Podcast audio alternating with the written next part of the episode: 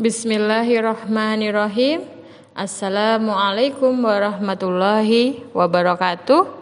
Alhamdulillahirrahmanirrahim pada kesempatan kali ini kita diberikan kesehatan, diberikan kesempatan untuk tetap terus semangat belajar di pembelajaran sosiologi pada hari ini kita akan membahas tentang faktor-faktor yang menghambat terjadinya integrasi sosial.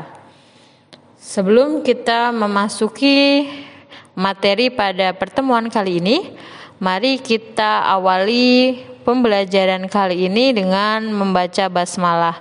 Bismillahirrohmanirrohim.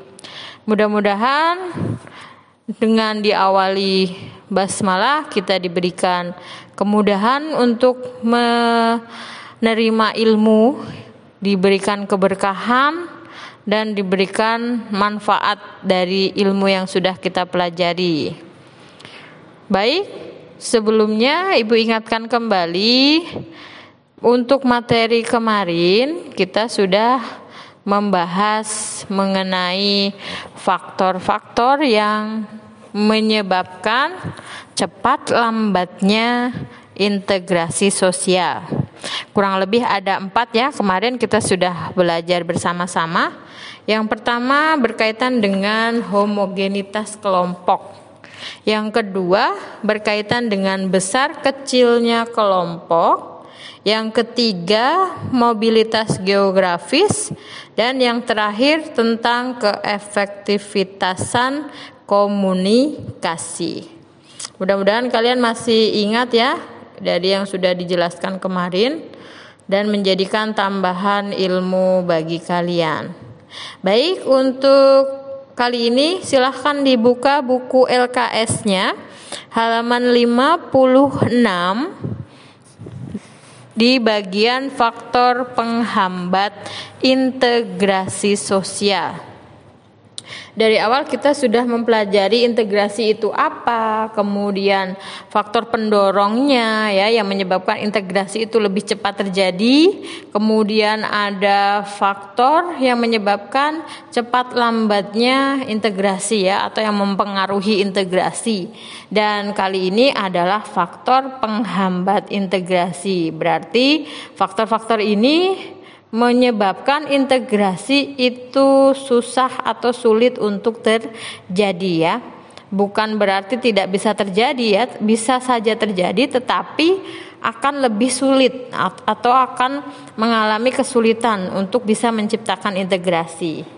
Baik, sudah dibuka buku LKS-nya ya di halaman 56 Faktor-faktornya yang pertama adalah berkaitan dengan terisolasinya kebudayaan suatu golongan tertentu di dalam masyarakat.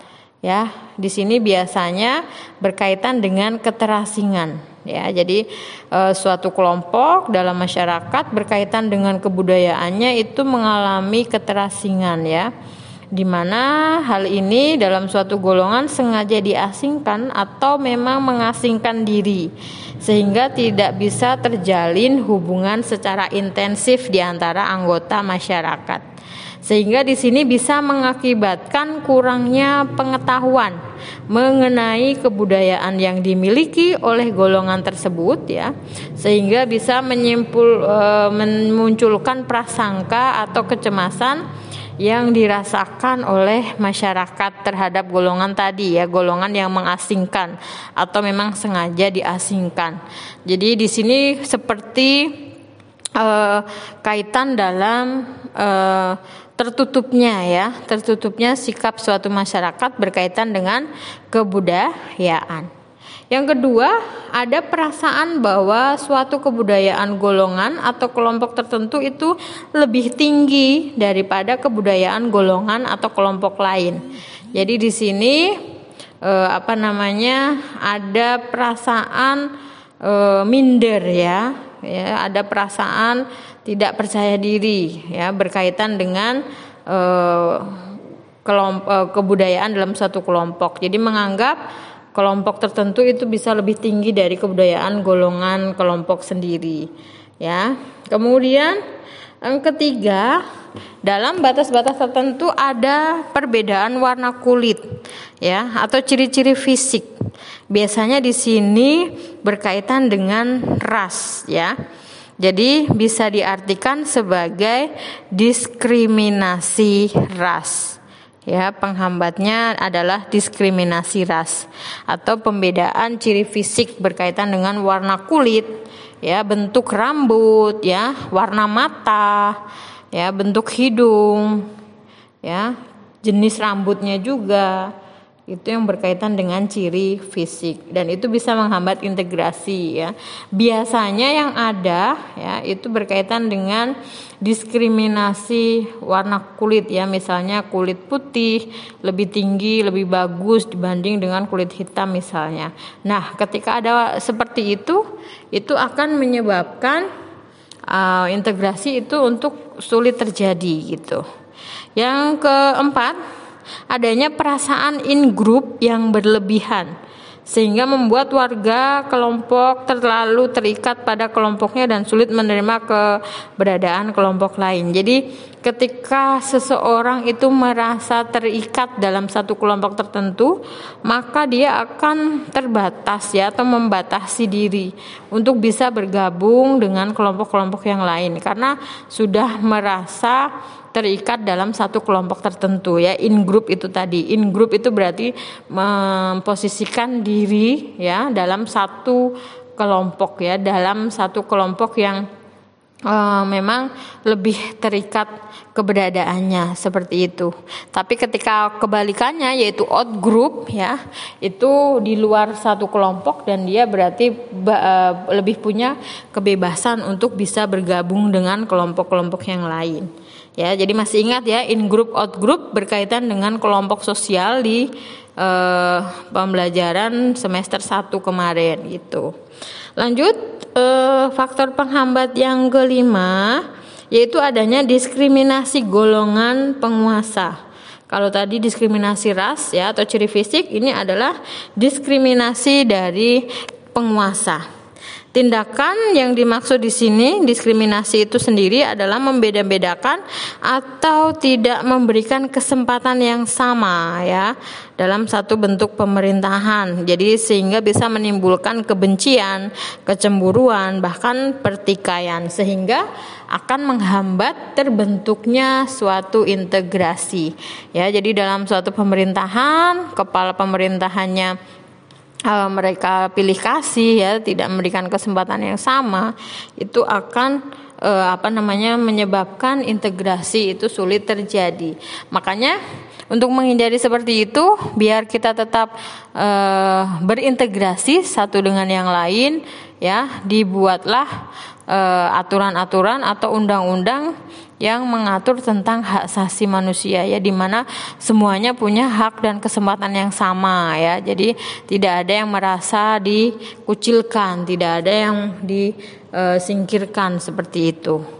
Yang terakhir adanya perbedaan kepentingan ya dan pertentangan pribadi antar kelompok yang akhirnya bisa berujung pada pertentangan. Jadi di sini ketika di dalam satu masyarakat ya kepentingan antar satu dengan yang lainnya sudah berbeda, kemudian bahkan ada pertentangan ya, pertentangan itu konflik ya, baik itu konflik pribadi maupun konflik kelompok atau antar kelompok ya bisa uh, menyebabkan integrasi itu sulit ter, terjadi ya. Sehingga uh, ketika sudah banyak perbedaan, menimbulkan konflik, pertentangan. Jadi integrasi yang diharapkan itu akan lebih sulit tercapai ya, karena masing-masing punya kepentingan, tujuan yang berbeda-beda ya. Jadi dari beberapa faktor penghambat ini mudah-mudahan bisa dipahami dengan baik, kemudian bisa diambil sisi positifnya ya di mana untuk menghindari faktor-faktor seperti ini sehingga kita bisa tetap bersatu dengan anggota kelompok masyarakat yang lain, bisa berbaur dengan yang lain ya. Tidak mempermasalahkan ras ya, tidak mempermasalahkan budaya, kemudian tidak apa namanya merasa diasingkan, tidak terisolasi ya, tidak membeda-bedakan eh, apa namanya diskriminasi dalam hal eh, kekuasaan ya. Diharapkan kita bisa mengambil sisi positifnya ya. Intinya dalam kehidupan integrasi itu sangat perlu ya, sangat diperlukan, sangat dibutuhkan demi eh, kelangsungan hidup yang harmonis, yang serasi dan seimbang seperti itu. Jadi mudah-mudahan kalian bisa menerapkan sisi positifnya, menghindari apa yang menjadi hambatan-hambatannya. Oke, bisa dipahami ya. Baik, untuk pertemuan hari ini seperti yang sudah Ibu janjikan kemarin bahwa akan ada tugas ketiga ya untuk sesi penilaian harian kedua nanti ya wajib kalian kerjakan. Silahkan setelah ini kalian menuju ke Google Classroom. Di bagian tugas kelas ya di sana ada tugas tiga ya.